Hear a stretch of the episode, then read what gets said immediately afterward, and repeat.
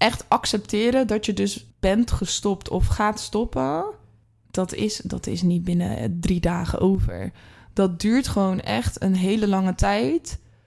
En in die periode is het goed om jezelf kwetsbaar op te stellen.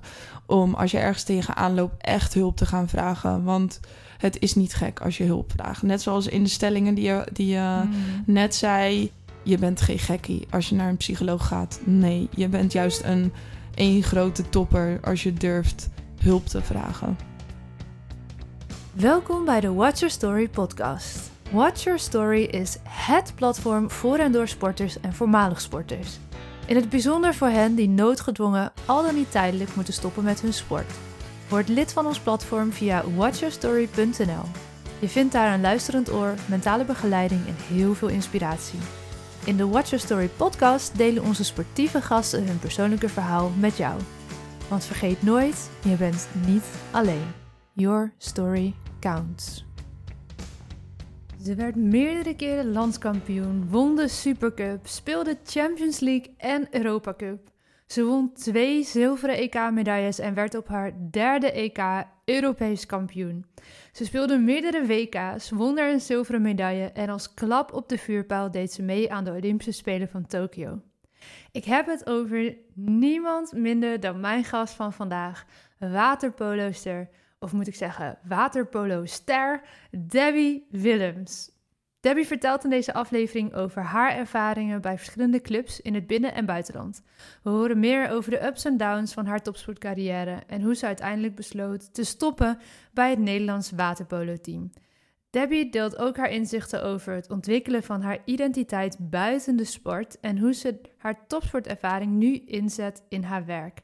Luister nu naar deze inspirerende aflevering van de Watch Your Story podcast met waterpoloster Debbie Willems. Debbie, welkom in de podcast. Wat ontzettend fijn dat je vandaag de gast wil zijn. Ja, dankjewel. Heel blij om hier zo te zijn en mijn verhaal te kunnen doen. Ja, we gaan jouw verhaal uitgebreid horen vandaag. Maar voor we dat gaan doen, ga ik jou ook, net als iedere gast in deze podcast, die openingsvraag stellen. Namelijk, wie is jouw grootste inspiratiebron? Ja, die heb ik wel eh, toevallig even in je andere podcast gehoord Een natuurlijk. beetje inspiratie kunnen opdoen. Ja, precies. nee, nee, nee.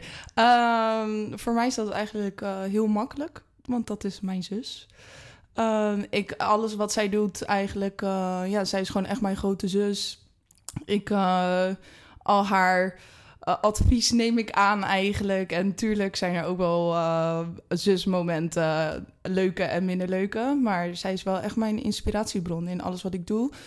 En eigenlijk wel al mijn familie en vrienden om mij heen. Ik vind dat gewoon heel erg belangrijk. En alles wat ik doe in het leven, daar horen zij bij. Dus ja, eigenlijk wel eh, iedereen om mij heen, mijn omgeving. Mooi. En wat maakt jouw zus dan echt zo tot die inspiratie voor jou? Wat, wat doet zij of wie is zij dat zij zo inspirerend is voor jou? Eh, ja, zij kan eigenlijk. ehm, ja, zij betekent gewoon heel veel voor mij. Ik kan mijn verhaal bij haar kwijt. Als ik ergens mee zit, dan kan zij gewoon heel goed eh, relativeren. Eh, zij kan alles tegen mij zeggen zonder dat ik daarvan denk: wat zeg jij nou? Ja. Terwijl ik dat bij onbekende mensen misschien wel iets meer heb. En ja, zij is gewoon, denk ik, de belangrijkste persoon in mijn leven. Nou, denk ik, dat, dat weet ik eigenlijk. En eh, zij kan alles maken zonder dat ik daar eh, iets van eh, vind. Hoe heet ze? Laura. Laura. Nou, Ja. deze mag je in je broekzak steken. Laura. Nou, dat als je hem ik een keer nodig hebt, dit compliment, dan haal je hem er weer eens uit. ja, hij staat nu op de band, hè? Dus, ja, wat fijn dat jij er bent, Laura. ja, nee, Ja. daar ben ik wel echt heel blij mee, ja. mooi, heel mooi.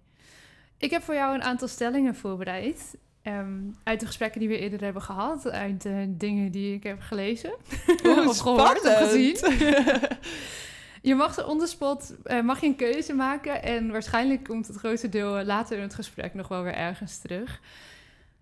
Als je naar de psycholoog gaat, dan ben je een gekkie. Of als je naar de psycholoog gaat, dan ben je een wijs mens. Nou, dan ben je een wijs mens. Dat, eh, ik vind dat mensen naar, eh, die naar psycholoog gaan, dat zij gewoon heel goed kunnen eh, denken bij hunzelf: oké, ik heb hulp nodig. En ehm, ik ga daar achteraan. En ik vind dat als je naar een psycholoog gaat... en dat werd vroeger wel altijd gezegd... oh, dan ben je echt een gek in. Nee, vind ik echt niet. Nee. Nee, hulpvragen is het allerbeste wat je kan doen. In goede en slechte tijden. Ja. Optrekken of opdrukken? Eh, ik ga toch voor optrekken. Opdrukken kan ik niet zo heel erg goed. Maar ik denk dat optrekken mij tegenwoordig ook niet meer eh, heel goed afgaat, moet ik eerlijk toegeven. One of the boys of one of the girls? Ehm, dat vind ik wel een moeilijke. Eh, ik heb namelijk een hele leuke vriendengroep. Hey, steek die jong maar in je broekzak, jongens. Nee, nee ik heb echt een hele leuke vriendengroep eh, met jongens en meiden. Dat vind ik wel moeilijke. Maar ik ga denk ik toch naar eh, One of the Boys. Ik ben benieuwd. Horen Ja. we misschien nog wat meer over straks. Ja. Spanje of Nederland? Oeh. Jeetje, wat moeilijk allemaal. Nee, ehm, Zo lekker om er, om er even in te komen. Deze Ja, precies. precies. eh, nee, ik ga voor Nederland omdat hier mijn eh, familie en vrienden zijn. Maar Spanje heeft wel eh, een bijzonder plekje in mijn hart. Ja. Zelf de beste zijn of anderen beter maken? Anderen beter maken. Ja, ik vind dat veel belangrijker. Mooi. Hey, ik ben heel nieuwsgierig. Jij hebt natuurlijk eh, in je sport fantastisch mooie dingen meegemaakt. Met het Nederlands team, Olympische Spelen gehaald, in het buitenland, eh, in Spanje gespeeld. Ehm, had jij als jong meisje echt al die droom van ooit ga ik naar de Olympische Spelen? Ja. ja, dat was het wel echt. Ik was eh, vrij jong toen ik eh, naar Jong Oranje ging ook. En goed werd in waterpolo. Ik had heel jong mijn eh, zwemdiploma's. En wij moesten dan... Vroeger waren allemaal wachtlijsten voor, om verder te zwemmen. En eh, ik wilde dat heel graag. Toen was een jongetje in mijn klas die, eh, die zat op waterpolo. En die zei, nou dan ga je toch een keertje mee. En, en die jongen die spreek ik nu helemaal niet meer. Maar wel mijn hele carrière aan hem te bedanken. Ja, Onder weet andere. dat? Eh, weet ik eigenlijk Dus kunnen we niet. nog even een Ja, compliment uitdelen? Dat weet ik eigenlijk niet. Nee, hij zal het vast wel eh, ergens hebben gelezen. Ja. Ehm, maar eh, ja, ik had wel altijd die droom. Ik, ik werd toen een soort van ineens eh, goed onder de lat bij waterpolo. Dat iedereen een beetje zei tegen mij van... oh, nou, wat kan je dat goed keepen? Daar moet je echt mee doorgaan, hoor. En dat ik in het begin dacht, nou, ik vind het eigenlijk alleen maar leuk. En het zal wel. Maar toen werd al vrij snel de uitnodiging verstuurd om naar Jong Oranje te gaan. En dan is gelijk jouw droom. De Ja. Olympische Spelen. Iedereen die daar eh, in eh, de A-selectie heet dat dan bij ons speelt. Dat is dan je grote voorbeeld en daar wil je naartoe. Dus die droom die had ik wel heel, eh, toen ik heel jong was, ja. Ja, en hoe kwam jij dan voor het eerst echt in aanraking met de sport waterpolo? Je werd dus in ieder geval aangemoedigd om te gaan, verder gaan zwemmen door onder andere de jongen. Maar hoe, hoe kwam die aanraking met waterpolo? Je had ook een lange baanzwemster kunnen worden, bij wijze van. Ja, ehm, dat klopt, want ik vond zwemmen heel erg leuk. Dus of dat nou eh, waterpolo, survival zwemmen, wedstrijdzwemmen werd. Wat mij heel erg aansprak met waterpolo is dat je echt een- met een team bezig bent. Ik vond het gewoon heel erg leuk om vriendjes en vriendinnetjes om me heen te hebben. Ik eh, kon eh, moeilijk en kan nog steeds moeilijk alleen zijn. En ehm, eh, ik denk dat ik dat het allerleukste vond. Het team, de team spirit die je Mhm. hebt. En eh, met waterpolo ergens met z'n allen naartoe werken. Dat vond ik, denk ik, en vind ik nog steeds het leukste wat er is met de sport waterpolo. Ja. Kan je ons een beetje meenemen in jouw sportieve carrière eh, tot nu toe? Want je speelt nog steeds, toch? Ja, dat klopt. Ehm, ik ben heel nieuwsgierig. Misschien kan je ons meenemen langs een aantal hoogtepunten. Oké, een aantal hoogtepunten. Laten we hem gewoon lekker positief insteken. Oké, we gaan, we gaan positief Over de shit gaan we, ja. gaan we het straks nog wel hebben. Geen negatieve dingen. Nee, ehm, nou wat ik wel heel erg leuk vind om te vertellen is dat ik, eh, wij, wij hadden toen een meisjesteam onder de 12, allemaal talenten onder de 12, hè. echt bizar. Ja, als Zo nadenkt. klein. Als ik daarover nadenk, dat ik denk, oh meiden, jullie zijn onder de 12. Kijk hoe klein, klein jullie zijn. Echt Ja. van die droppies nog. Is Nou, nog dat- steeds, hè? Al die Ja. jonge selecties in alle sporten. Zo Ja, dat is echt bizar. Nou, dat waren wij dus ook ooit. Toen hadden wij een meisjesteam eh, met allemaal talenten vanuit de omgeving Rotterdam. En eh, toen gingen wij eh, naar een toernooi en uiteraard hebben wij daarvoor ook nog wel toernooitjes gespeeld. Maar toen hadden we een Nederlands kampioenschap met dat meisjesteam. En toen werden wij kampioen onder de 12. Maar toen was het dus de hele wedstrijd. En ik weet eigenlijk niet eens meer hoeveel minuten we toen speelden. Volgens mij vier keer vijf of zo. Dus dat is echt misschien wel zelfs vier keer vier. Het was echt helemaal Mhm. niks. En toen was het de hele wedstrijd 0-0. En ik speelde toen tegen een team, Gouden Rijnstreek heette dat. Omgeving Gouda met allemaal talenten. En eh, die meiden waren ook heel goed. Maar wat ik dus leuk vind daaraan... één, wij werden Nederlands kampioen... want we hadden gewonnen met eh, de verlenging daarna met 2-1. Dat is ook zo'n helemaal geen waterpolen-uitslag. Maar ehm, wat ik heel erg leuk vind... is dat ik tegen meiden speel die nu mijn beste vriendinnen zijn geworden. En dat je dat op dat moment niet meer niet weet... maar dat die meiden dus zoveel voor je zijn bete- gaan betekenen. En dat vind ik echt heel erg tof. Gewoon door de loop van de rest van jouw carrière Ja. ben je met ze gaan spelen, ze tegengekomen Ja, en vriendinnen geworden. ja precies. Dat, vind ik wel heel erg tof. Ja, is heel bijzonder. Dus het ho- eerste hoogtepunt was al, Dat- begon al jong, 12 jaar. ja, en toen was ik nog niet, was ik niet eens 12, volgens mij. Ik was eh, denk ik onder tien of 12 zo. Ja, natuurlijk. ik wou Ja, net zeggen tien precies. jaar of zo. Dus dat vind ik, dat, dat is een van mijn eerste hoogtepunten. Nou, als we gaan kijken naar dat ik wat ouder werd, ehm, ben ik ook veranderd van club. Toen ging ik naar ZPB in Barendrecht. En ehm, daar werd ook een meisjesteam opgericht. Vroeger was het niet echt normaal dat je, dat je een meisjesteam had bij de club. Tegenwoordig is dat wel zo, want meisjes en jongens worden al gescheiden. En vroeger was dat niet zo.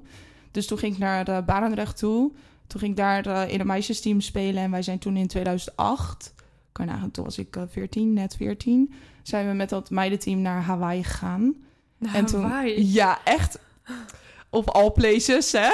Heel vervelend. Nee, dat was echt fantastisch. Ehm, toen zijn we drie weken gegaan, waarvan we één week een toernooi hebben gespeeld. En twee weken vakantie eigenlijk hebben gevierd met elkaar. ouders mee bijvoorbeeld? Nou ja, sommige ouders wel, maar goed, je kan begrijpen dat het ook gewoon heel veel geld kost. Ja. En ik kostte, ik was al heel veel geld, want eh, Je was al duurkind. ja, ik was al een duurkind, moest overal naartoe gebracht worden. Nee, maar ehm, mijn ouders gingen toen niet mee. Wat ik wel heel erg jammer vind. En ik zou nog steeds heel graag met hen eh, die kant op gaan. Maar ik zie mijn ouders geen eh, 24 uur in de vliegtuig zitten nee, weer. het is niet echt om. Nee, maar ehm, nee, dat was echt heel tof toen. En toen wa- waren we 14 met elkaar aan nagaan. eh één grote meidengroep, 14 man. jaar. Feest. Eén groot feest natuurlijk. Eh, aan, het andere, aan de andere kant van de wereld. Het was gewoon echt heel erg... eh, ja, het is een hele mooie herinnering. Ik kan me voorstellen. Ja. Ja. Je bent volgens mij eerst nog een tijdje in Nederland gebleven. Want wanneer ging je precies naar, naar Spanje? Dat was echt wel een stuk later. denk Ja, ik. dat was een stuk later. Toen was ik wel wat ouder inderdaad. Ehm, in 2016 eh, had ik een periode waarvan ik dacht... oh, ik weet eigenlijk niet of ik dit nog... eh, dit hele topsportcarrière eh, met waterpolo nog wil doen. Ik twijfelde gewoon heel erg. We haalden toen niet de Spelen van Rio. Ehm, ik ben toen vrij lang eh, reservekeepster geweest... wat ik eh, ja, gewoon heel erg lastig vond... En toen dacht ik, nou, ik wil niet stoppen. Want ik wil er ook gewoon aan werken. Ik wil niet dat ik mijn hele leven zo hard heb getraind... en dat ik dan gewoon in één keer zeg, oké, kap ermee. Ja. Dus toen ben ik naar, in 2016, na de zomer... ben ik naar Matro toe gegaan. CM Matro, dat ligt net iets boven Barcelona. En daar heb ik eigenlijk de liefde voor de waterpolo teruggevonden. Daar ben ik hen ook echt dankbaar voor. Want ik ging daarheen met het idee van... oké, ehm, het is eh, maken of kraken, zeg maar. Het is Mhm. of ik, eh, ik vind het helemaal geweldig... en ik denk, jeetje Deb, eh, je vindt waterpolo gewoon fantastisch... Of ik ga daarheen en denk, oké, nee, ik ben er echt klaar mee. ja. En dit is mijn laatste seizoen. Maar dat was gelukkig niet zo. Nee, wat maakte dan dat daar die liefde weer terugkwam voor de sport?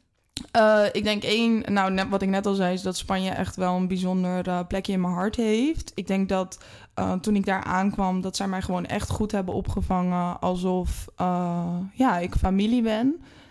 Het is een buitenzwembad, het is een andere cultuur. Het ligt aan het strand, de zon schijnt. Ja, het is gewoon echt een heel ander leven.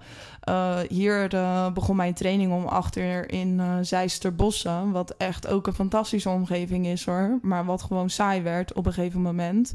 En ik kwam altijd uit de omgeving Rotterdam. Dus ik stond elke dag in de file. Oh, man. En in Spanje had ik gewoon ochtendvrij. Eén keer koprollen en ik lag op het strand. En ik kon mijn hoofd leegmaken. Om 12 uur begon een keertje de eerste training. Ja, dat is gewoon een heel ander ritme. En dat eh, sprak mij wel aan, ja. Ja, ik kan me voorstellen dat dat eh, ja, dan echt het avontuur was wat je misschien wel nodig had op dat moment. Hoe was de, de sport? Was, werd dat ook echt anders beleefd? Behalve dat de training dus wat later begon.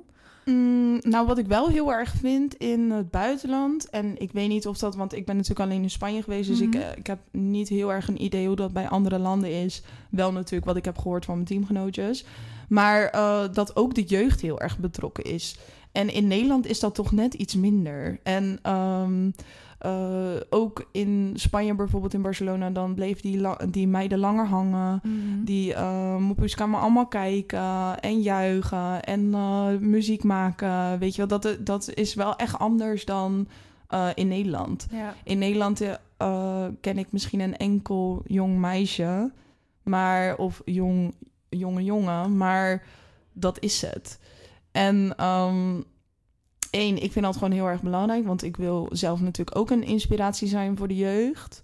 En dat gevoel had ik in Spanje wel meer dat ik dat was dan in Nederland. ja.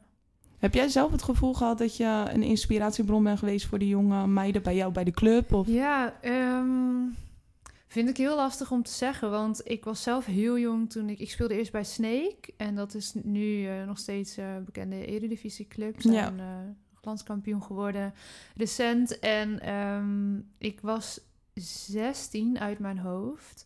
Toen ik daar voor het eerst in het eerste team mocht spelen. Die speelde toen op het tweede niveau van Nederland. Ja. Ehm, en dat was wel echt een meisjesdroom die uitkwam. Dat, dat was wel echt waar ik al die jaren al dacht... nou, als ik ooit daar mag staan eh, op, op het hoofdveld met die Ja. meiden... en dat ging ineens heel veel sneller dan verwacht... want ik was een jaar ja, 15, 16, dus ik speelde in de tweede... En daar was ik eh, ja, lange tijd tweede spelverdeelster. Dus nou ja, je kent het gevoel. Hè? Je zit veel op de bank, vecht voor je plekje, Ja. keihard trainen. Denken van ja, ik ben nog jong, ik moet nog leren. Maar soms Mhm. voelde het ook wel eens ja, ja, onterecht vanuit mijn perspectief. Ja, natuurlijk tuurlijk. als eigenwijze Ja, puber. Eh, dus er zijn ongetwijfeld de redenen voor geweest. Ehm, maar toen viel bij ehm, het eerste team ook een van de spelverdeelsters weg.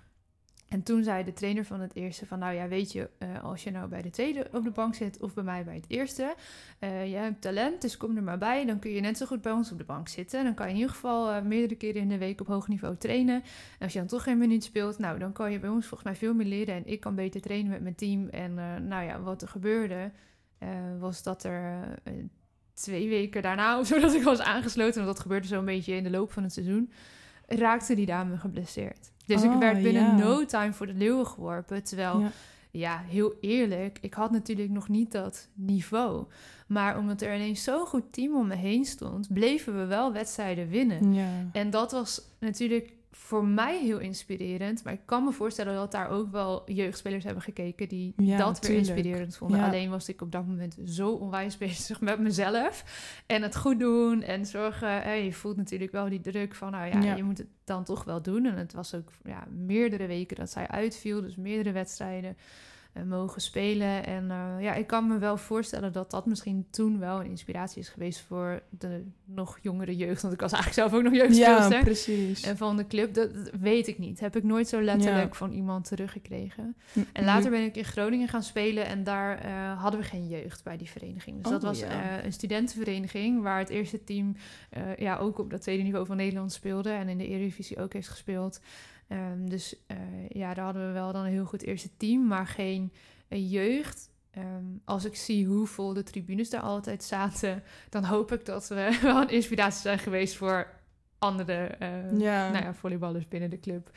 Eh, Nu maar, ik dit ook hoor, zeg maar jouw verhaal over eh, de eerste club, Snake, waar je zat, denk ik echt wel dat, daar, eh, dat je daar een inspiratie bent geweest. Zeker omdat de, omdat de club dan ineens eh, wedstrijden ging winnen, dat het goed ging, dat je in een flow zit. Ja, Ik denk dat eh, die flow sowieso wel een inspiratie is voor de jeugd. Ja. De jeugd, sorry hoor, die daar, eh, speelt. Ja, ik denk het wel. Weet je, dat was voor mij natuurlijk toen ik jonger was, daar ook heel inspirerend om die dames te zien spelen. En ik heb me onwijs gesteund gevoeld door uh, de meiden die toen in het eerste speelden. Ja, want die wisten, we moeten het nu met Lot doen. Ja. En dat was echt niet altijd leuk voor hun. Want zij moesten natuurlijk allemaal een stap harder gaan lopen ja. om mij te helpen. Want dat ging natuurlijk niet allemaal goed. Want ten eerste, we waren helemaal nog niet goed op elkaar ingespeeld. Ik zat net bij het team. Nou je kan je voorstellen, in twee, drie weken... eh, ja, dan Nee, is dat dat, nog niet. niet eh, Nee. allemaal soepel. En het hele spel ging harder, het ging sneller. Ik had weinig gespeeld in de weken daarvoor, wedstrijdritme. Dus zij hebben echt wel een paar stappen extra moeten doen om mij te helpen. En uiteindelijk, nou ja, voor het teambelang, dat die resultaten eh, bleven komen. Maar ja, voor mij was dat wel echt een hele mooie ervaring. Juist eh, daardoor dat ik ineens dacht, Ja, hey, tuurlijk. wacht, maar ik kan blijkbaar op dit niveau kan ik spelen. En dat heeft wel gemaakt dat ik later naar Groningen ben overgestapt. Want ik had echt, nou ja, de trainer toen van het eerste bij Snake. eh, je haat hem of je houdt van hem. Ja. Ehm, dat, nou ja, daar gaan we niet te veel over uitweiden. De mensen die eh, luisteren, die weten nu exact over wie ik het heb. En hij zelf ook.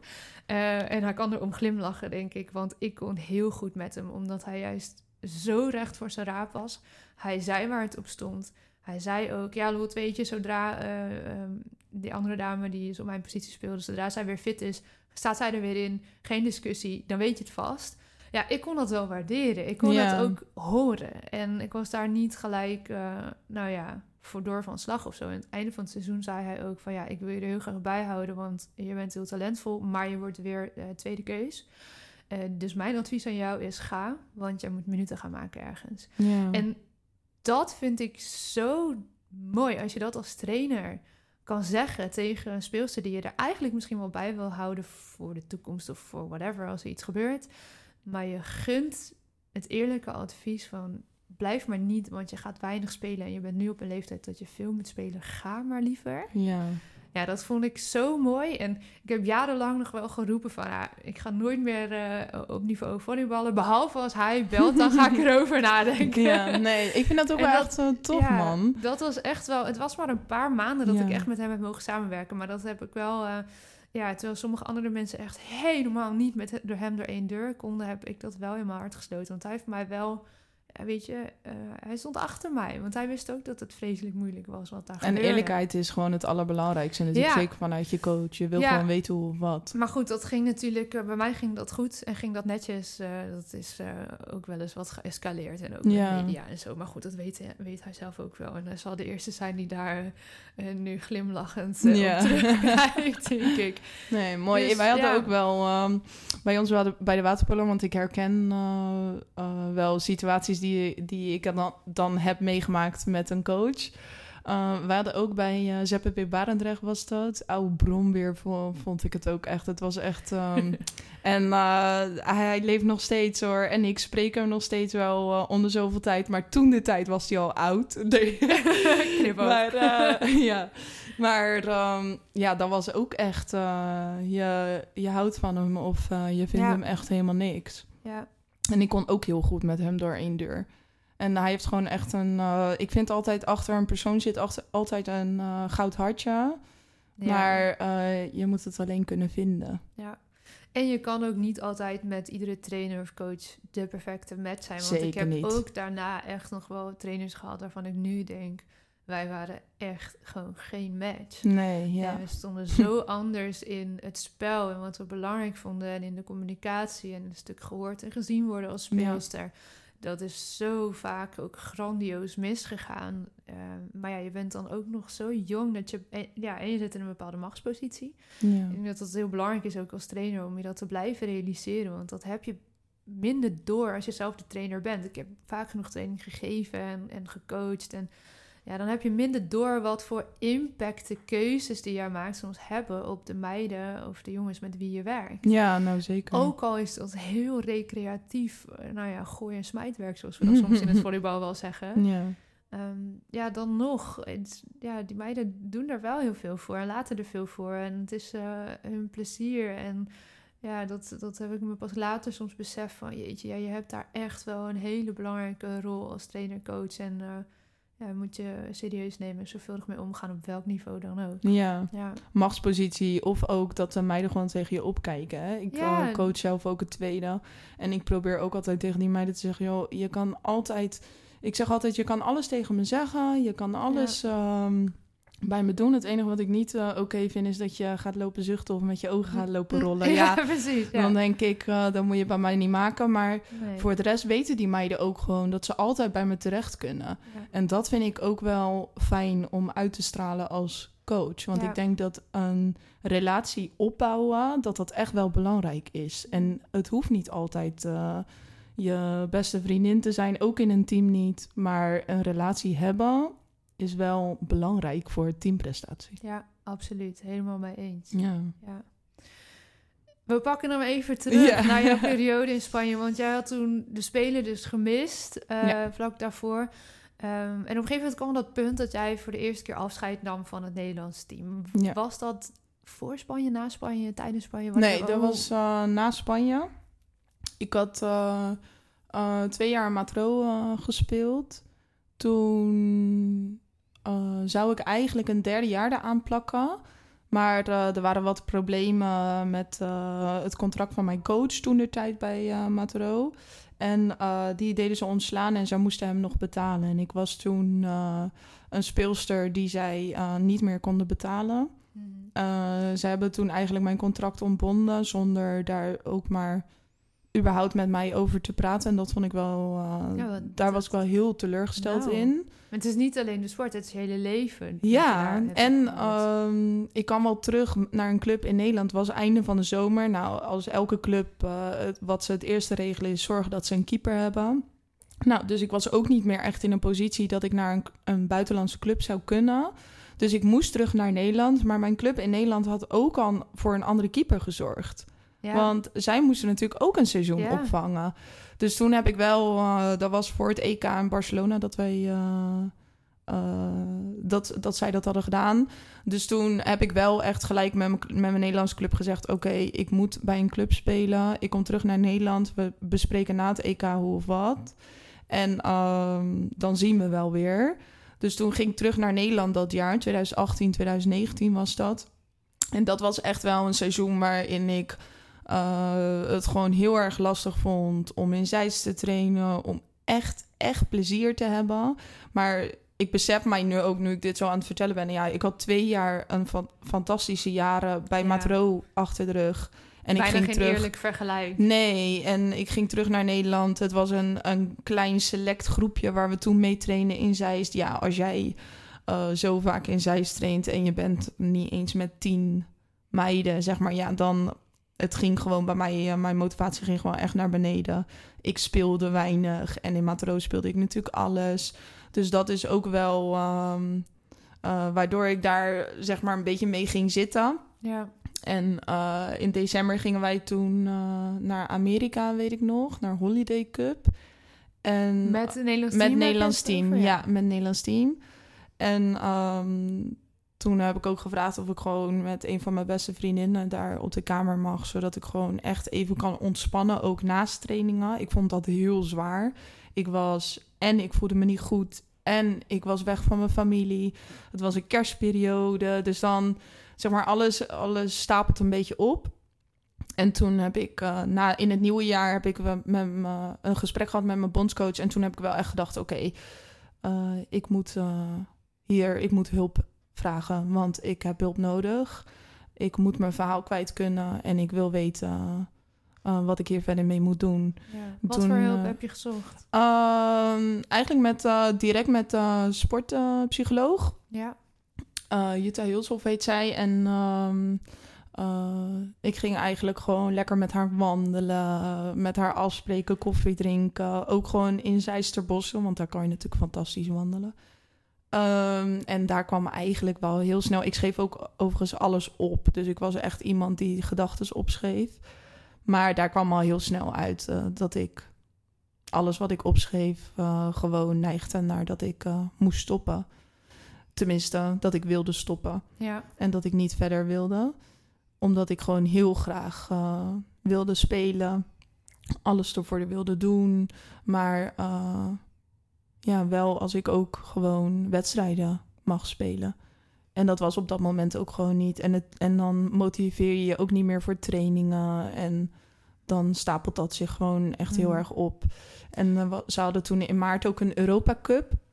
Toen hebben we echt eh, besloten samen dat ik daar niet naartoe zou gaan. Dat ik die week echt zou ontspannen. En eh, ik vond moeten altijd zo'n vreselijk woord, vind ik nog steeds. En ik gebruik het zo vaak. En dan betrap ik mezelf weer erop dat ik denk, oh, ik moet helemaal niks. En dat idee had ik toen heel erg, dat ik alles maar moest. En ehm, sorry hoor, dat wilde ik gewoon echt niet meer. En toen ging ik dus niet mee op Europa Cup. En toen zei ze, nou, die eh, sportpsycholoog, zei, nou, wat wil je doen deze week? Toen zei ik, wat wil ik doen deze week? Ja, je hebt een hele week vakantie, zei ze tegen mij. En ik echt zo, maar goed, eh, die meiden spelen. Dus eh, donderdag moet ik om twee uur eh, achter de laptop zitten om dat te kijken bijvoorbeeld. Vrijdag spelen ze om vijf uur. En toen zei ze, nou, dat ga jij niet doen. Dus eh, ze zegt, eh, je hebt twee dingen opgenoemd tegen mij waar je naartoe wil. Nou, dat was snowboarden toen de tijd. Ik heb nog overigens nog steeds niet Was gesnowboard. dat ook dus... gewoon een... Tenminste, in de volleybalwereld was dat een no-go. Ja, bij ons ook echt. Bij ons ook Ja. echt een no-go. Dus toen zei ik, ja, ik wil gewoon, eh, als ik eh, wil snowboarden, wil ik gaan snowboarden. Nou, ik heb nog steeds niet gesnowboard, dus slaat helemaal nergens op. En ik zei toen, ik wil gewoon naar Disney als ik naar Disney wil. Ja. En ik kan gewoon geen vrije dagen opnemen. Soort van, weet je, slaat helemaal nergens op. Maar dat kwam dan in, in mijn hoofd op. En toen heb ik mijn vriendinnen gebeld. En toen zei ik, joh meiden, wat doen jullie dit weekend? Toen zei ze, nou ja, niks. Oh, oké. Ik zeg, zullen we naar Disney gaan? Nou, dan, iedereen zei, ja, ja, ja. Die dacht goed. echt, wat overkomt ons Ja. nou? Debbie vraagt of we naar weekend Ja. naar Disney gaan. Dus nou, toen zijn we de auto goed. ingestapt en naar Disney gegaan. En ik heb geen ehm, eh, moment gedacht aan het feit dat ik eigenlijk de wedstrijden live moest kijken. En toen na die week heb ik gewoon besloten om te stoppen. Ja. Wat echt heel lastig was, want ik vind waterpolo gewoon heel erg leuk, maar niet op deze manier. En je liet daarmee natuurlijk ook de droom los Ja. om toch die spelen te gaan halen. ja, ooit. precies. En dat was Ja. het allerergste natuurlijk. Ja. Ja, vond ik heel lastig hoor. Maar ik was toen echt wel opgelucht dat ik die keuze had gemaakt. Ja. En ik stond helemaal achter. Ik deed toen werken um, bij eh, Sport Utrecht, toevallig. Want we zitten nu ook in Utrecht, Ja, dat is wel grappig. Eh, bij Galgenwaard. En ik kreeg daar toen de kans om 32 uur per week te werken. Die heb ik gelijk eh, met beide handen gegrepen. Het was mega leuk daar zo. En eh, ik had eigenlijk heel snel weer een ritme gevonden zonder eh, elke dag in het water te liggen. Mooi. Maar, maar, het krijgt een vervolg. ja, het, Want, niet het einde van de spoiler, verhaal. Je bent alsnog naar de Olympische Spelen geweest, Ja. een paar jaar later. ja, klopt. Ja, wat gebeurde daar dat jij toch weer terugkwam bij het Nederlands team? Want dit, dit klinkt zo van, ik ben er echt klaar mee. Ik heb Ja. geproefd aan het, het andere leven tussen haakjes. ja. Dat beviel goed. Eh, wat gebeurde er dat jij op een gegeven moment toch dacht, het kriebelt? Of, ja. Ik ga het toch nog een keer proberen. Nou, dat beviel ook goed, dat andere leven. En wat ik net al vertelde, ja, ik had gewoon echt een nieuw ritme gevonden. Ik was echt gelukkig. Want toen ik stopte, was ik gewoon ongelukkig. En dat zag iedereen om mij heen. Maar ik zag het zelf gewoon niet goed genoeg. Maar ja, toen ging ik toch maar weer beginnen. Nee, ehm, ik stopte toen eh, in april. En eh, ik was natuurlijk helemaal nog niet klaar met eh, waterpolo. Dus toen had ik direct al gelijk een nieuw contract getekend met Matero. Ik ging weer terug naar dezelfde club waar ik eh, eh, was begonnen in Spanje. En ehm, ik wilde gewoon dat wel doen. Maar ik was gewoon klaar met het feit dat ik niet speelde. Dat ik eh, geen zin meer had om naar Zeist te gaan om voor het Nederlands team te spelen. Maar op hoog niveau niet. Dus toen had ik direct daar een contract getekend. En ehm, nou, ik had helemaal dat ritme gevonden. En ik had al gezegd tegen Sport Utrecht... oké, na de zomer ga ik weer naar het buitenland. Toen zou ik dus op een eh, ja, 16 uur contract krijgen... of 0 uur contract, zodat ik gewoon Ja. wel kon blijven werken. Dus dat had ik allemaal geregeld. En ehm, nou, ik denk begin van de zomer of zo... eh, belde Arno Havenga, de bondscoach, toen de tijd. Die belde mij op van... joh, Deb, ehm, wil je terugkomen? Uh, de eerste keeper toen de tijd was ge- gestopt, wegens me- motivatieproblemen ook. En ehm, ja, ineens lag een soort van de hele weg voor me open. Ik heb toen wel weer met de sportpsycholoog gezeten om te kijken van oké, ik ben echt niet voor uh, nul reden gestopt, zeg maar. Dus ik had een hele lijst natuurlijk waar ik echt wel aan moest werken. En ik had toen met haar afgesproken in Papendal. Ik weet het nog zo goed. Ze zei, nou, we zien het wel. Ik heb de hele middag uh, geblokt. We zien wel hoeveel tijd we nodig hebben. En ik had echt... We hebben volgens mij een 3,5 uur of zo daar gezeten. En we hebben gewoon elke scenario doorgenomen. Dus wat als dit gebeurt? Wat als dat gebeurt? Wat ga ik doen? Wat wil ik? En gewoon overal rijtjes van gemaakt. Want ik ben nogal uh, een, uh, ja, iemand die structuur nodig heeft. Die houdt van lijstjes maken. Dus ja. dat hadden we echt wel allemaal uh, gedaan. Dus ik was in elke scenario was ik goed voorbereid. En toen had ik een gesprek na het WK. Toen Arno terugkwam na het WK een gesprek gehad. En toen zei ik, oké, okay, ja let's go, we gaan ervoor. Want dit was ook mijn tweede kans op te spelen. Ja. En uh, dat was wel het eerste wat gewoon in je opkomt. Shit man, ik kan nog steeds die droom waarmaken. Sta ik daarvoor open en wil ik dat? Want mm. de grootste vraag voor mij was natuurlijk... wil ik dit nog wel? Ja, want die droom is leuk, maar jij weet ondertussen ook... wat je er allemaal voor moet doen en ja. moet laten. Ja. En dat was heel veel. Precies. Dus dan is het echt wel uh, goed dat je bij jezelf nadenkt van... oké, okay, sta ik hier nog steeds voor open? Wil ja. ik dit echt zo graag dat ik er weer voor open sta om alles ervoor te laten? Nou, alles is misschien uh, tussen aanhalingstekens, maar gewoon echt onwijs veel. En uh, je hele leven wordt weer omgegooid. Wil ik dit? Ja. Maar goed, daar kwam wel volmondig ja uit. Dus toen... Um, en vanaf dat moment tot aan de Spelen, hoe lang was dat traject ongeveer nog? Nou, dat zou eigenlijk een jaar zijn, want dat was in 2019 en in 2020 zouden Tokio, uh, de Spelen van Tokio zijn natuurlijk. Maar door uh, COVID werd dat allemaal uh, verlengd. Ja. Dus uiteindelijk was dat nog, was de Spelen natuurlijk in 2021. Ja. Dus dat was toch nog best wel een periode. En hoe was het? Daar op de Spelen. ja, nou, de Spelen halen, ik vond, ik, dat klinkt misschien allemaal hartstikke cliché hoor, maar de reis er naartoe, naar echt de Spelen behalen, is zoveel mooier, heeft zoveel voor mij betekend, meer eigenlijk betekend dan de Spelen zelf. En dat klinkt misschien een beetje gek dat ik dat zeg, maar uh, zo voelde het wel echt. En wij hadden natuurlijk ook wel een COVID-spelen. En wat ik zelf, en ik denk dat ik eigenlijk wel voor meerdere uh, speelsters en sporters spreek. Uh, dat ik het gewoon heel erg vond. Dat ik mijn hele leven en iedereen om mij heen mij gesteund heeft. Maar dus niet daadwerkelijk bij de Spelen aanwezig konden ja. zijn.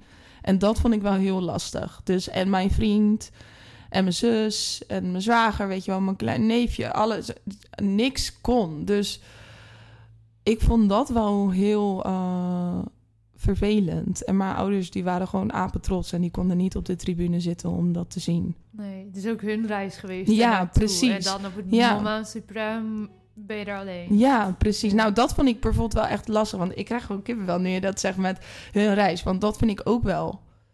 Um, dat dat misschien niet gezien wordt. Maar ik niet alleen heb de Spelen gehaald. Mijn hele familie. Ja. En uh, niet alleen mijn familie, ook de vrienden om me heen. Want ook zij hebben gezien hoeveel ik ervoor moest laten. En uh, hoeveel tijd ik met hen gemist heb om dit te bereiken.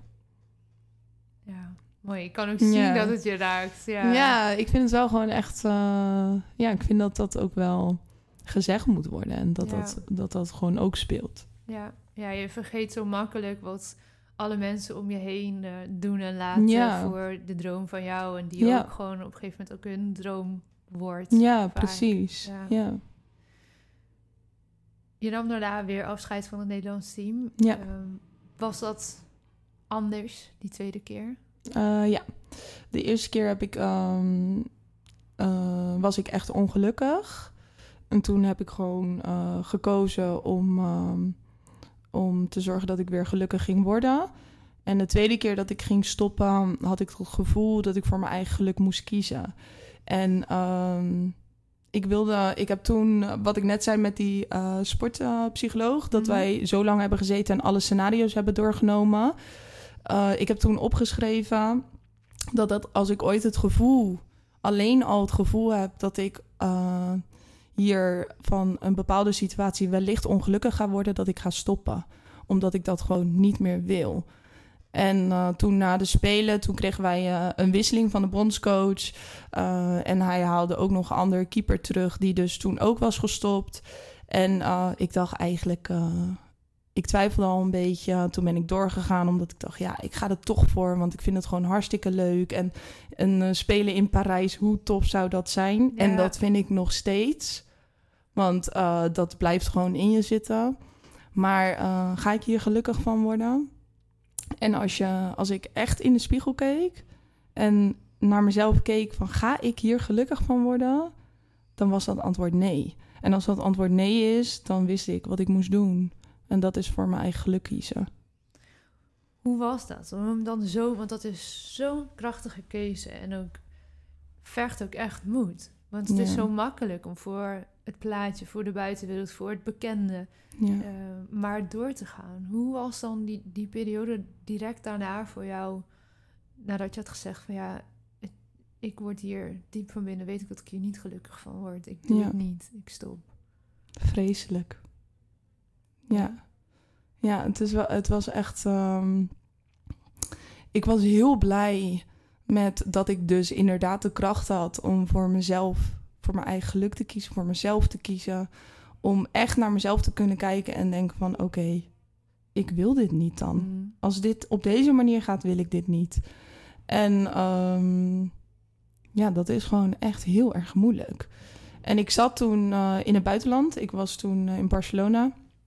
Weer. Want uh, ja, ik vond gewoon dat ik een nieuwe impuls nodig had in mijn waterpolo carrière. Daar zat toen een keeperscoach. Patricia de Sotto. En ik ging toen naar de Club Mediterrani. En uh, ik ging daarheen om een nog betere keeper te, te worden. Ik was 27 eh, jaar. Ik zat eigenlijk, zeggen ze dan, dat je op je top bent. Ik was mm. helemaal ready om nog door te gaan. En om de ja, weer zeg maar echt in die, die, die cultuur te leven. Weet je wel, om, om helemaal happy terug te komen. En uh, ja, toen ik al, want ik kreeg dit in december te horen, dan is dat wel een, uh, een klein bommetje. Nou, een grote bom eigenlijk wel. Dat je echt denkt, shit man, en nu? Ik wil dit denk ik niet. Nou, toen had ik eigenlijk, want ik heb de eerste keer dat ik stopte heel lang de tijd gehad. Hebben ze mij heel lang de tijd gegeven en gegund, waar ik ze echt dankbaar voor ben, om erover na te denken of ik dus echt wil stoppen. En uh, nu was dat niet zo. En dat vond ik denk ik nog moeilijker. Want uh, dan moet jij gewoon gaan beslissen binnen een week of jij twintig jaar van jouw carrière gaat, ga, gaat weggooien, zeg maar. Nou, tenminste, niet weggooien, maar dat je daarmee gelijk stopt. Ja. Dat dat gewoon beëindigd wordt. En uh, dat vond ik echt heel moeilijk. Hoe waren die eerste dagen, die eerste weken? Ah, ik heb wel uh, veel gehuild daarom hoor.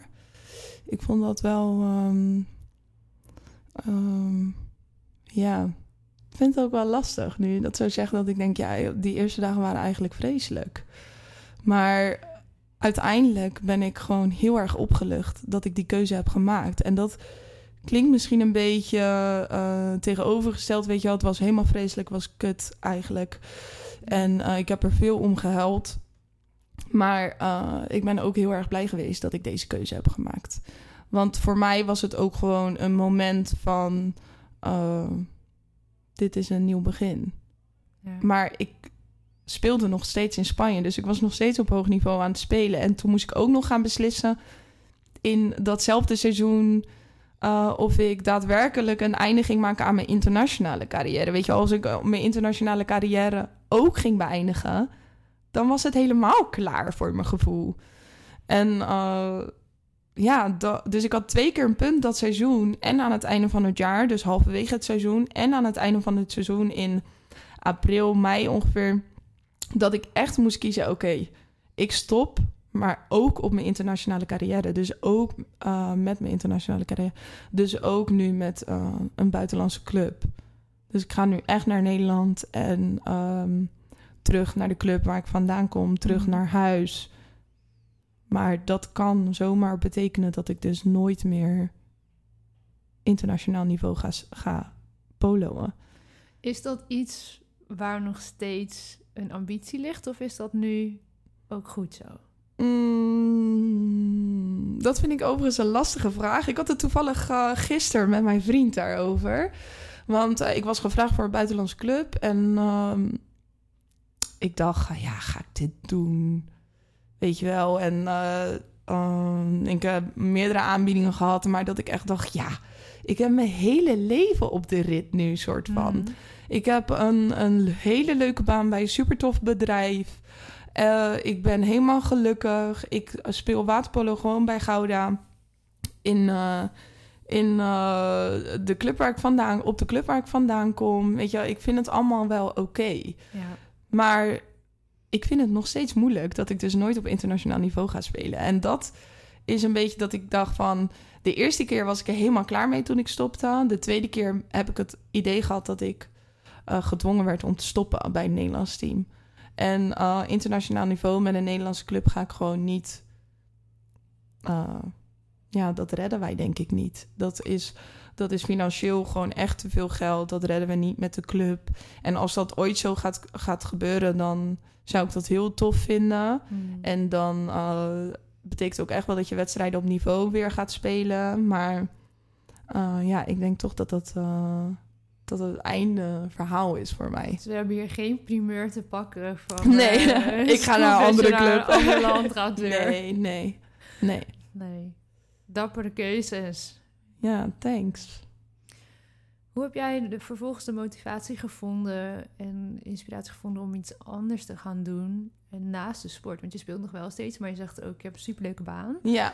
Hoe ben je daar zo terechtgekomen? Want ik denk dat dat ehm. ook wel fijn is om te horen voor mensen die ja. stoppen en denken, oh mijn god, wat nu? Het, uh, ja, je kan dus ook maar zomaar ineens een hele leuke baan op je pad krijgen. Ja, nou het is wel echt... Um een, voor, voor sporters zeg maar, die stoppen, dus na hun carrière, die kunnen zomaar het gevoel hebben dat ze bijvoorbeeld in uh, het uh, wel besproken zwarte gat uh, vallen, zeg maar. ik denk dus dat als je bewust tijdens je carrière bezig bent met nadenken over wat je zou willen na je carrière, en daar moet je natuurlijk de juiste periodes voor uitkiezen want ik heb bijvoorbeeld ook gekozen om voor de Spelen gewoon echt nergens aan, aan te denken dan de waterpolo. Dus dan was het wel, als je wel echt een tunnelvisie. Maar um, uh, ik heb, toen ik naar Spanje toe ging, had ik al uh, afspraak gemaakt met Brigitte, Lempers van NOC-NSF. Zij was loopbaancoach en ik had aan haar gevraagd van... joh, luister, uh, ik, ga nu, ik heb nu iets meer vrije tijd tussen mijn trainingen door, want ik heb weinig reistijd en ik heb dus uh, tijd om iets te doen. En ik wil deze, deze, deze kant op. En ik, uh, dat is vooral marketing, communicatie, vormgeving. Dat, daar ben ik ook wel echt een type voor. Mm. Dus dat sprak mij ook wel heel erg aan. En toen heb ik met haar gezeten van... oké, dit is leuk om te doen, dat is leuk om te doen... qua cursus, training, korte opleiding of whatever. Dus toen was ik daar al mee bezig voordat ik de keuze had gemaakt om te stoppen. Toen um, uh, stopte ik. En toen, uh, ik ben ook wel zo'n persoon die uh, actie in de taxi, let's go. Ja, ja, ja, ik moet ergens uh, achteraan. Dus toen ben ik in het nieuwe jaar ben ik um, gaan solliciteren. En toen oplettend vriendinnetje van mij die kwam vacature tegen van sportbedrijf Rotterdam. En dat was sportambassadeur waterpolo. Nou, ik dacht, dit is het. Ik ben de beste kandidaat hiervoor. Ja, precies. ja. en, uh, ja, klinkt logisch. Ja, nee, uh, het leek me een superleuke baan. En ze vroegen wel uh, veel opleiding die ik niet had gehad. Maar ik ben zo, ook zo iemand die denkt, joh, niet geschoten is altijd mis. Ik doe je het gewoon. Je kent het wereldje en ja. heel kan je leren. Ja. ja, precies. Dat vind ik ook. Want ik vind ook wel echt dat je door te doen heel veel leert. En dus ik dacht, ik doe het. Toen heb ik daar een motivatiebrief voor geschreven, een cv opgestuurd. En toen um, uh, werd ik gebeld met de mededeling dat ik het niet was geworden. Dus, maar goed, daar was ik natuurlijk uh, wel lichtelijk van uitgegaan. Al heb je natuurlijk wel heel veel um, hoop dat ja. uh, als jij zoiets stuurt, dat jij het dan wordt. Maar zij belde mij met de mededeling van... oké, je wordt het niet, maar we hebben naar je cv gekeken... we hebben je motivatiebrief gelezen... en uh, wij denken dat we je niet moeten laten gaan. Dus we wil je iets anders aanbieden? Ja, zo cool. Is Ja, dat? dat is ook zo'n groot compliment. Nou, precies. En dat ik echt dacht... Kijk, ik, eh, ik kan echt wel leuk schrijven hoor. En soms denk ik echt... Oh, als jij dit leest, dan kan niet anders. dat, je, dat je in ieder geval Ja, met ja. mij wil praten. En dat bedoel ik helemaal niet arrogant hoor. Maar gewoon dat ik denk... Nou, dit is toch een goed verhaal. Maar...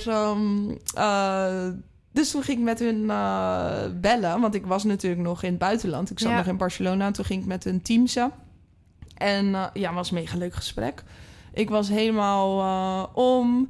Ik eh, ben ook wel echt een Rotterdamse. En dat past natuurlijk helemaal binnen het bedrijf. Want het is sportbedrijf Rotterdam. Ik heb helemaal iets met sporten natuurlijk. Dus het, het sprak gewoon echt heel erg aan. En ja, zij mij ook. Dus ik vond dat wel heel erg tof. Toen hebben we afgesproken om eh 1 juni te starten. Nou, en toen was ik in Nederland paar weekjes rust. En toen ben ik eh, gaan begonnen met eh, werken, 32 uur. Was dat genoeg, die paar weken? Dat klinkt als best eh, een korte vakantie na zoveel jaren intensief topsport. eh. Het is goed dat je daarop inhaakt, want dat was niet genoeg, nee. Eh, ik had daar eh, langer de tijd voor moeten nemen, ja, achteraf. Ja. Maar, en Waar dat- merkte dus, je dat aan? Mm, nou, kijk, eerst zit je een beetje... eh, Oké, je komt terug in Nederland, je wilt iedereen zien, klaar. eh, dat heb je dan achter de rug. Ik ging samenwonen met mijn vriend toen de tijd. Dus dat moest allemaal geregeld worden. En eh, nou, actie, actie, actie. Dan zijn je een paar weken zijn voorbij en je Ja. gaat werken. Je hebt eigenlijk helemaal nog niet even gewoon niks gedaan. Nee, precies. Ja. Nou, dat. En, en natuurlijk zijn er wel dagen dat, dat ik even niks deed. Maar eh, ik kan ook niet stilzitten. Dus dat was natuurlijk ook wel moeilijk. Dus dan heb je iets langer de tijd nodig om überhaupt bij te komen. Maar eh, dus achteraf was dat wel te weinig. Maar ik merkte het vooral dat ik dan gelijk doorging werken. Eh, het ging allemaal goed en de zomer was en het was allemaal prima. En in december had ik ineens de klap van... oh shit, ik moet en sporten... En nou, eigenlijk kwam dat wel een beetje in september, want ik ging natuurlijk weer waterpolo bij de club in Nederland. Ja. Dus dan, ik ging gewoon te veel door. En december dacht ik gewoon ineens, ik ben veel te druk. Ik heb helemaal, ik heb te weinig uren in een, ehm, in een dag. Ik, ik heb geen tijd voor dit, ik heb geen tijd voor dat. Dus eigenlijk was je bijna twee banen aan het doen. En we nog steeds op hoog niveau aan het waterpolo. Hè? Ja, En een baan, ja, buiten waterpolo was natuurlijk gewoon je baan. Maar Ja. nu ineens heb je, nou ja, misschien anderhalve baan op je bord. ja, precies. Nou, ook gewoon, ja, en dat klinkt heel stom, maar, stom hoor. Maar ik dacht echt, hoe sporten mensen naast hun werk? Dat vraag ik me ook nog Ja. wel eens. Nee, maar dat is echt zo gek. Ik had Ja. gewoon echt dat gevoel. Ik neem mij ook elke week weer voor om drie keer te gaan Ja. sporten. Het lukt nooit.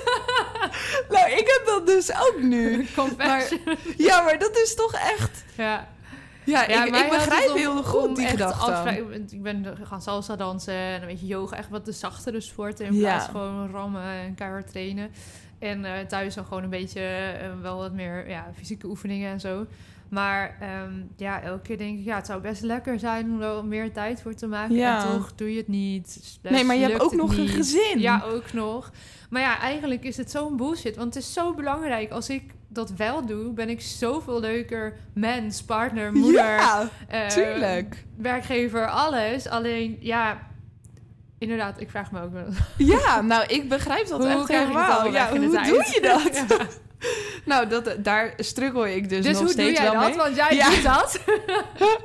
Help Nee. ons allemaal. nee, nee, nee. Ik struggle dus daar echt nog steeds wel mee. Ik heb toen ook wel met mijn coach in eh, Nederland gezeten van... joh, eh, vier keer in de week, ik trek het gewoon even niet. Nee, En dat wij- ik best. Ja, en eh, toen heb ik één dag daaruit, eh, heb ik één dag geskipt... wat ik overigens echt heel erg vond. Ja, Terwijl past ik helemaal dacht- niet bij je Nee, topsportmentaliteit. Maar nee, precies. En dat ik echt, dat zij ook tegen mij zegt, maar Deb, je moet ook even aan jezelf denken. Je hebt dit zo lang gedaan, het maakt niet uit. Het is niet erg dat je Ja. de woensdag er niet bent.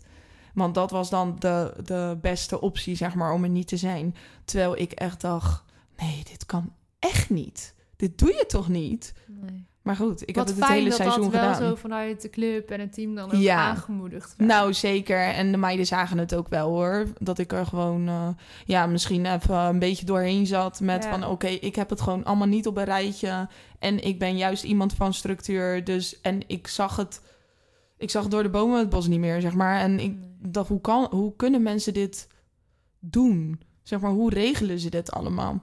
En toen heb ik wel om hulp gevraagd. Want Wat voor hulp heb je gevraagd toen? eh, nou, dat was eh, een soort van klein jaartje nadat ik eh, was gestopt. En toen heb ik een mail gestuurd naar NOC-NSF van...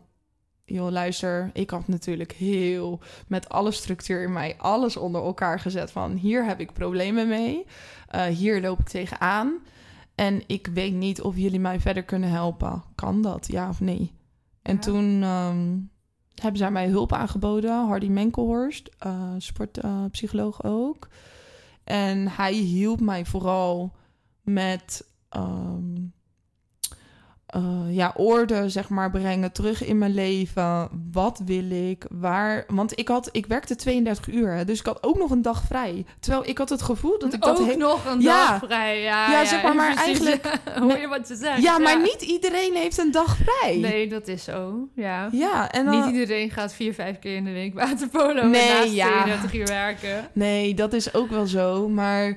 Maar goed, pak hem even terug naar je ging naar de psycholoog. Wat heeft jou dat gebracht? Nou, ik, eh, hij hield mij, hielp mij vooral om orde te brengen in het leven. Om te zorgen van, oké, het is niet erg dat jij een eh, training mist. Eh, waar loop je tegenaan? Ja. Wat wil je? Je wil vooral structuur terug. Wat vind je belangrijk? Hoe vaak wil je sporten? Eh, wil je alleen waterpolo? Of wil je ook nog iets anders doen? Ja. Wat vind je belangrijk in je vrije tijd? Weet je, om daar überhaupt al over te praten, was gewoon wel eh, goed voor mij. En hij hielp mij gewoon om die eh, structuur terug te vinden. En eh, om ook gewoon trots te zijn op alles wat ik heb bereikt tot nu toe. En hij was ook gewoon eerlijk om te zeggen: eigenlijk heb jij gewoon helemaal geen tijd voor jezelf genomen na je carrière. En dat is natuurlijk makkelijker gezegd dan gedaan, want ik had gewoon geld nodig.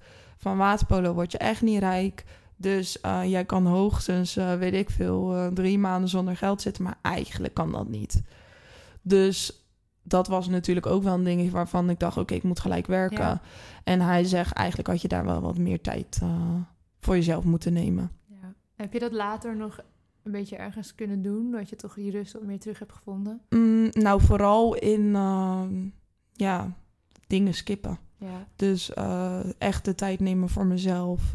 Dus ook minder mijn vriendinnen zien. Eh, meer in mijn eigen omgeving. Eh, eigenlijk komt heel veel, van, heel veel van mijn vriendinnen komen uit de omgeving Gouda. En ehm, ik woonde in Rotterdam. Ja, ik moest altijd reizen. Ja, toen zei hij, wat vind je belangrijk? Zijn jouw vriendinnen er ook nog als je tijd voor jezelf neemt? Dus ik dacht, ja, tuurlijk. Weet je wat, zijn mijn vriendinnen. Die gaan daar echt niet boos over zijn als ik dat ga doen. En eh, om überhaupt dat dus voor mezelf te doen, was voor mij al echt een grote stap. En daar heb ik wel wat meer rust voor gecreëerd. Mooi, heel goed. Ja.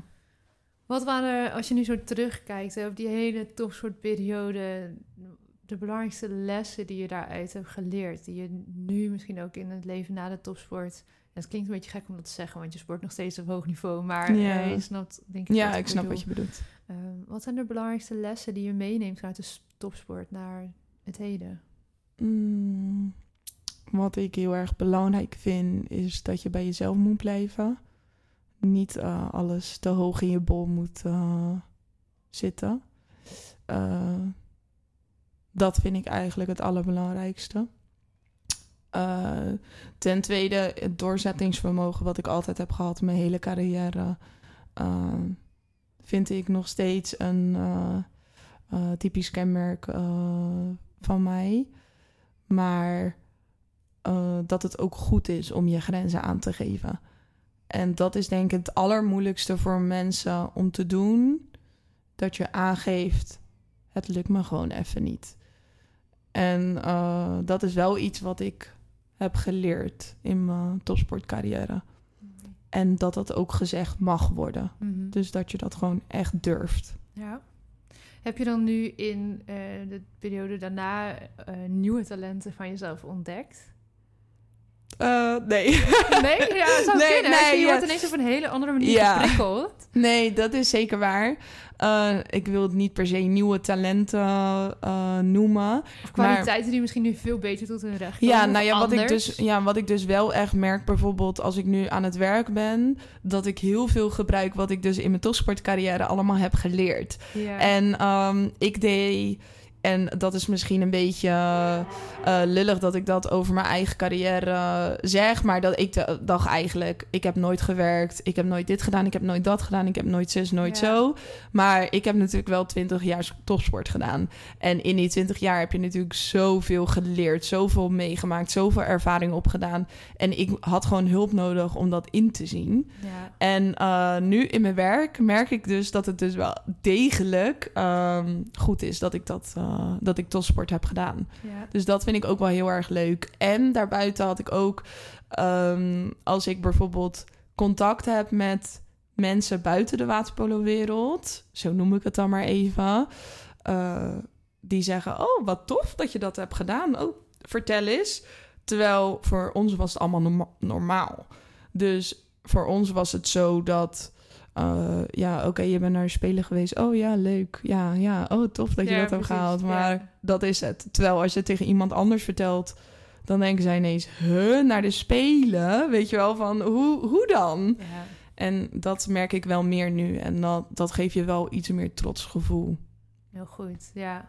Ja, ik vond dat eh, bij mij ook vaak dat nu mensen zeggen... ja, maar jij hebt toch aan topsport gedaan? En altijd dacht ik, topsport. Ik heb niet eens eh, in de Eredivisie gespeeld... maar altijd het tweede na- nationaal niveau gespeeld. Ik heb niet in het Nederlands team gespeeld. Ik heb bij far niet ook maar kunnen eh, ruiken aan de spelen, zeg maar. Dus voor mij voelt het altijd, ja, een beetje een soort van amateur topsport, weet je wel. Dan maak je het kleiner.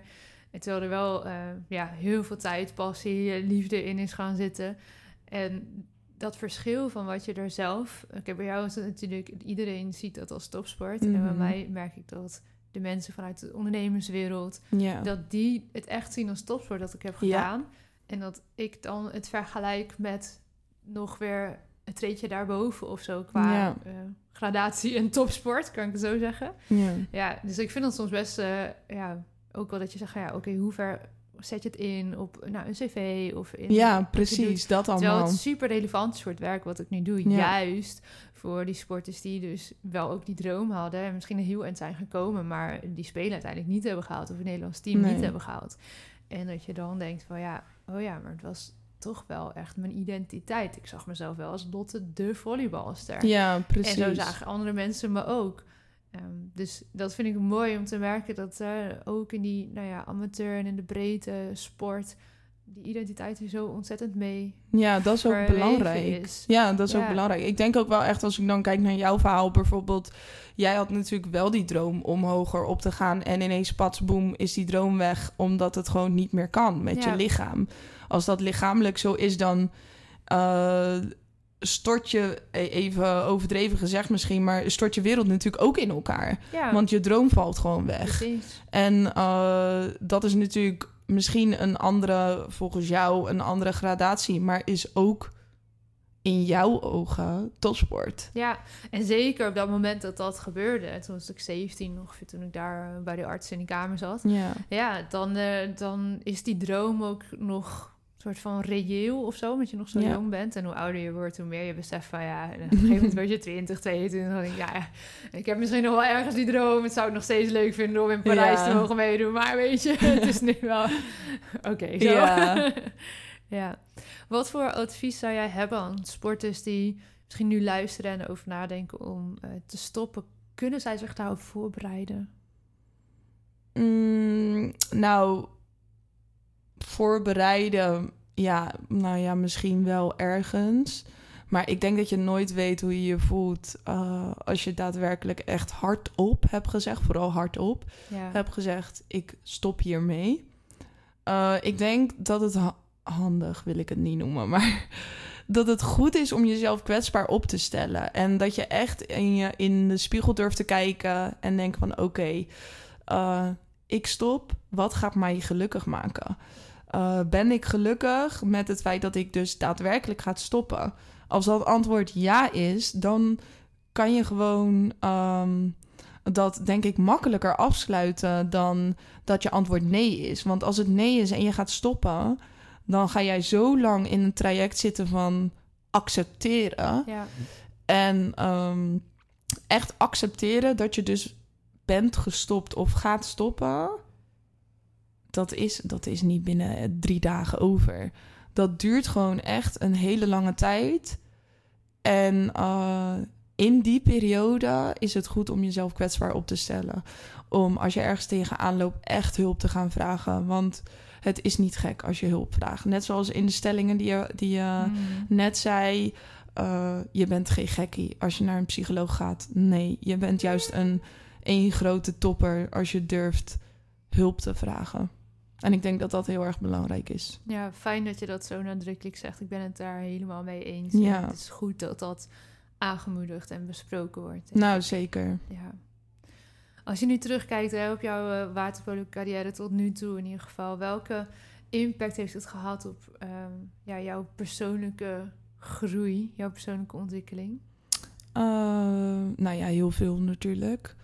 Eh, als ik dan eh, het eerste wat in me oppopt nu is dat ik... ehm, ik ben gestopt met de middelbare school eh, in mijn, bij mij thuis, zeg maar, ma- waar ik vandaan kom. En ik ging op 17-jarige leeftijd ging ik verhuizen naar Zeist om dichter bij het zwembad te zijn. Toen ben ik hier op de Favo gegaan. En ik had, woonde toen met twee jongens. Nou, echt soms denk die ik helemaal niet kon. Ook van de waterpolo wel. Maar dat, soms denk ik echt bij mijn ouders... nou, mam, pap, hoe hebben jullie mij gewoon kunnen laten gaan... op 17-jarige leeftijd? Weet je wel, dat je helemaal in Zeist... dat is ook niet om de hoek of zo bij mijn ouders. Dus en, en zij zeiden gewoon allebei... ja, maar Deb, dit wilde jij heel graag. En wij wilden jou steunen in alles wat jij ging doen voor de waterpolo. En dit was daar één van. Maar op 17-jarige leeftijd samenwonen met twee jongens op de fiets naar school, naar je middelbare school nog, naar school en naar de training, voor jezelf zorgen. Ik denk dat dat mijn groei in persoonlijkheid wel heel snel heeft, eh, ja, zeg maar echt wel heeft versneld. Want ja. Je moest ineens eh, volwassen worden. ja, je, je moet wel, want eh, je woont op jezelf en je moet zelf ineens alles gaan doen. Ja. En nu wordt er bij de waterpolo, ehm, ja, misschien een beetje lelijk gezegd, maar wel heel veel voorgekoud natuurlijk. Want het eh, komt allemaal gewoon voor je, voor je neus te liggen en eh, je doet dit, je doet dat. En de, de trainingsuren zijn allemaal geregeld en Mhm. alles is, eh, je eten wordt nog bijna naar binnen geschoven. Zo wil ik het niet noemen, maar het staat voor je klaar, weet je wel. Dus dat is natuurlijk ehm, eh, waar je wel echt wordt gesteund. Maar op 17-jarige leeftijd ergens gaan wonen eh, zonder je ouders is gewoon echt wel eh, een ding. Ja, ja, ik herken het. Ik was ook nou, Ja. nog net geen 17, volgens mij toen ik ging verhuizen. Ik werd toen bijna 17 naar Groningen. Nou is dat niet heel ver van mijn ouders, een uurtje rijden en dan waren ze er. Ehm, maar ja, ineens moet je alles zelf doen. En ik zat Ja. natuurlijk niet in een topsportprogramma. Ik ging bij een studentenvereniging spelen die toevallig een team had op hoog niveau. Ja. En wat ik eerder vertelde, om dus meer te kunnen gaan spelen en weg te gaan uit Snake. Ehm, ja, ik kwam gewoon in een studentenkamertje, eh, zelf boodschappen doen, koken. Ik kan me zo goed herinneren dat ik dan mijn vader, want die kookte wel eens thuis altijd, dat ik hem ging bellen van, ja, pap, hoe maak ik eigenlijk een gehaktbal? Bij mij wordt de buitenkant zwart en van binnen blijft hij rauw. Rauw, oh god. Oh, en dan probeerde ik hem veel te snel te wakken natuurlijk. Of ehm, eh, met kip. Dus ja, pap, jij zei altijd, ja, met kip, dat moet heel goed doorbakken, want anders word je er ziek van. hoe moet ik dan, ja, hoe weet ik dan of ik het dan kan eten? Nou ja, van die ja, bijna kinderlijke vragen. Eh, ja, dan belde ik dan mijn vader, Ja. omdat ik het niet wist. Nee, maar dat Dan stond is ik het daar in het ook. studentenkamertje en had ik heel cool eh, kip gekocht om, weet ik veel, pasta, pesto Ja. met kip te maken Ja, precies, ja. We kennen het allemaal. Nee, ik En het dat je denkt, te oh, Ehm, kip, ja. Hoe maak ik eigenlijk eh, kip Ja. goed gaar? Ja. Dus ja, dat was ook heel jong. En dan, nou ja, inderdaad, een nieuwe stad, studentenleven kwam daarbij. Ja, sport, precies, dat ook nog. Ja, dus ineens ga je Studeren alles zelf natuurlijk. regelen. Ja. Ja, ik vind het wel leuk om even op in te haken op je vader. Ehm, wij hadden op vrijdag altijd vroeger, en dat deden mijn ouders eh, eigenlijk wel goed. Vrijdag was bij ons gewoon een beetje een dag waarvan je dacht, oh, alles uh, past even niet. Ik moest heel vroeg trainen. Mijn vader moest werken, mijn moeder moest werken. Mijn zus die moest werken in de avond bij de kruidvat. Weet je wel, ja, ja, ja. allemaal dat soort dingen. En op vrijdag was het dus bij ons altijd... Het is vrijdag, jongens.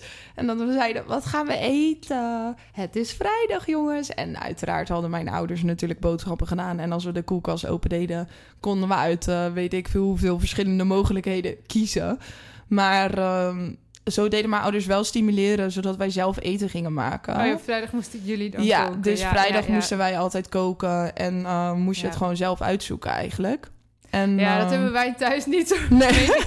Wat eigenlijk heel gek is, want mijn vader houdt heel erg van koken. En ik heb een jonger broertje. En inmiddels houdt hij ook enorm van koken. En ik oh, vind leuk. het zelf ook heel erg leuk om Ja. te koken. Het liefst voor grote gezelschappen. Ja. Ik vind het echt heel erg leuk. Dus jongens, het is helemaal goed gekomen. Ja, Ik ben nog steeds niet de beste gehaktballermaker, maar Oh, chips thuis. koken. lekker koken is goed gekomen. Ja, grappig. Ja, Ja, bij ons leuk. was vrijdag in die zin altijd een soort van heilige avond, want dan eh hoefde niemand iets. Ja, Dan mijn broertje voetbalde en eh, nou, dan had hij geen training, ik had een training. En eh, mijn ouders waren dan s'avonds ook altijd thuis. En eh, ja. ja, dan was er juist even niks. ja, ook goed om Ja. te hebben thuis. Ja, dat was de Om enige met de avond ook familie. zo ongeveer. Ja, maar om met de familie samen te zijn, dat is gewoon echt heel erg belangrijk ja, kijk ook. ik ook heel goed, eh, heel fijn op terug. Ja. Warm. Ja, Ja, gelukkig. ja. Dat heeft ook niet iedereen. Nee, nee, daar prijs ik me echt gelukkig mee. Dat, Ja. nou ja, dat je die steun hebt van familie en vrienden, wat je eerder ook zei.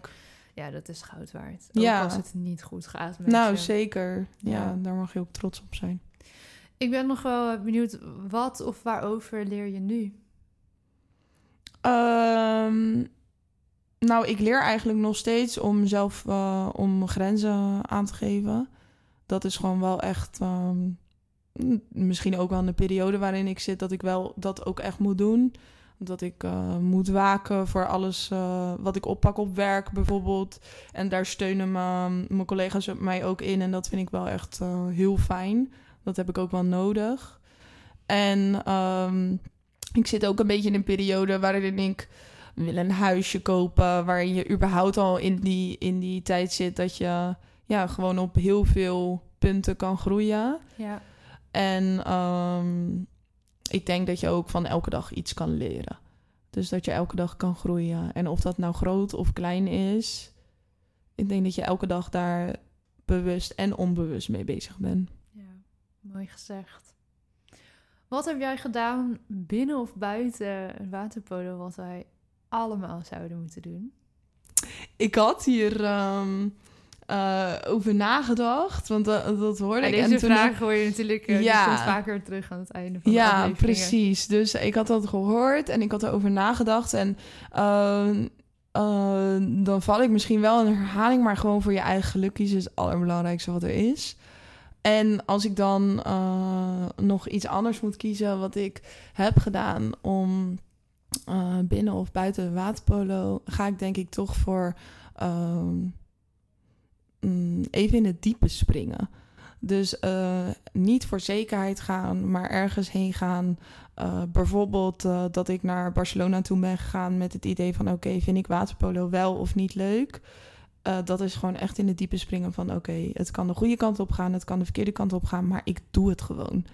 En ja, ik denk dat iedereen dat wel een keertje in zijn leven mag doen. Ja, mooi advies. Dan, ehm, deze vraag heb je vooraf van mij gekregen, dat je er even over na kon denken. Eh, welk boek heb jij gelezen Oh, dat ja. wij allemaal zouden moeten lezen? Ehm, mag dat eh, eh, Mogen het in... er tien zijn? Ja, ja, hoeveel? Nee. Ik heb twee boeken. Eén eh, die, die ik overigens wel echt aanraad. Dat is Leef je mooiste leven van eh, Michael Pilarchi. Ken je hem? Ja, zeker. Oh, dit is echt... Nou, eh, misschien is hij ook wel een inspiratiebron. Dat is echt een beetje waar ik me de laatste tijd in heb eh, ja, gevonden. Klinkt zo zweverig, maar is wel echt zo. Hij heeft ook een app, Meditation Moments en Ja. zo. En ik doe dan wandelen en dan luister ik gewoon naar hem. En hij heeft ook een super ja, zachte stem om naar te luisteren en zo. Ik vind het gewoon heel erg eh, inspirerend, alles wat hij zegt. Ehm, dus Leef je mooiste leven, dus een heel mooi boek. En uh, dat is dan wel echt op persoonlijk vlak ook uh, uh, ontwikkelen. Maar wat ik ook een heel mooi boek vind, en ik moet eerlijk zeggen dat ik even niet um, schrijver weet uit mijn hoofd. Maar het boek heeft, heet Ik ben niet slecht, is een uh, waar gebeurd verhaal, uh, vertaald. Mm -hmm. Gaat over een gezin met uh, vier of vijf broers in Amerika. En de oudste broer wordt mishandeld. En er gebeurt zeg maar van alles in dat gezin. En dan wordt er elke keer iemand anders. Uh, de oudste broer gaat dan uit huis en dan is de volgende broer die eigenlijk altijd heeft toegekeken, die wordt dan mishandeld. En dat gaat nou niet omdat het nou zo verschrikkelijk is met mishandeling, maar wel om uh, dat het niet goed is om uh, naar iemand anders te kijken als die slecht wordt behandeld. En dat is natuurlijk wel een les waar je, wat je daar dan uithaalt. Behandel iedereen zoals je zelf behandeld wilt worden. En um, tuurlijk mag je iemand minder aardig vinden of minder leuk vinden of uh, whatever. Maar zorg ervoor dat, dat jij in ieder geval er alles aan doet om iemand op een goede manier te behandelen. Ja, mooi. Tot slot, Watch Your Story is er natuurlijk voor de sporters die al dan niet tijdelijk moeten stoppen met hun sport. Uh, blessure is niet meer geselecteerd worden, ja. financiën, keuzes die gemaakt werden zelf of door anderen. Uh, nou, welke reden dan ook. Als je hen tot slot nog één advies zou mogen meegeven, wat zou dat advies dan zijn? Mm. Kijk in de spiegel en vraag jezelf af is dit wat ik wil, ja of nee? En um, is het niet zo, zorg dat je om hulp gaat vragen. Is het wel zo, dan ben je gewoon lekker bezig. maar als het niet zo is, dan is het gewoon heel erg belangrijk om uh, daarmee, daar wat mee te doen. Dankjewel. Ja, alsjeblieft. Ik vond het echt heel erg leuk. Fijn, ik Ja, ook. heel tof. Dankjewel. Bedankt. Dankjewel voor het luisteren naar deze aflevering van de Watch Your Story podcast. Ben je op zoek naar een luisterend oor omdat je in een lastige fase zit binnen of na jouw sportieve leven? Word dan vandaag nog lid van ons platform. Dit kan heel eenvoudig via watchyourstory.nl. Wil je liever persoonlijk contact over jouw situatie? Mail ons dan via team@watchyourstory.nl. Je mailt ons vertrouwelijk en krijgt altijd een antwoord. Verder vinden we het natuurlijk super leuk om te weten wie er luistert. Deel deze aflevering vooral binnen je netwerk en op social media. Wil je nooit meer een aflevering missen? Abonneer je dan op ons kanaal via jouw favoriete podcast-app. Nogmaals, bedankt voor het luisteren. Tot de volgende aflevering en onthoud, your story counts.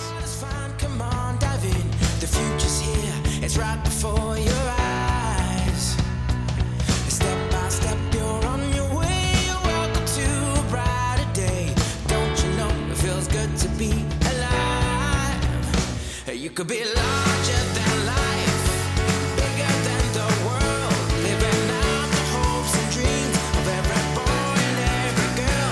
You could fly higher than the sky, shine brighter than the stars. You could have all you ever wanted, shoot the moon and reach for Mars. You know you could.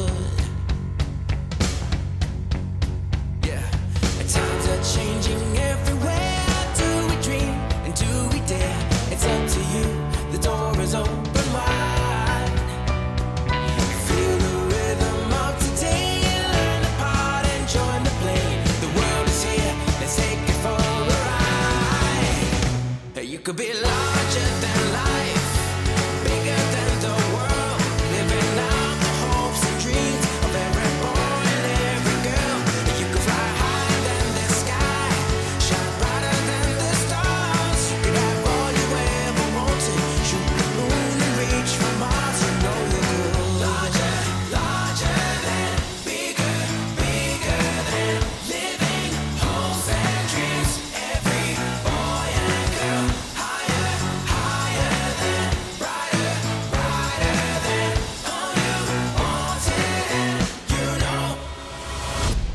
could be larger than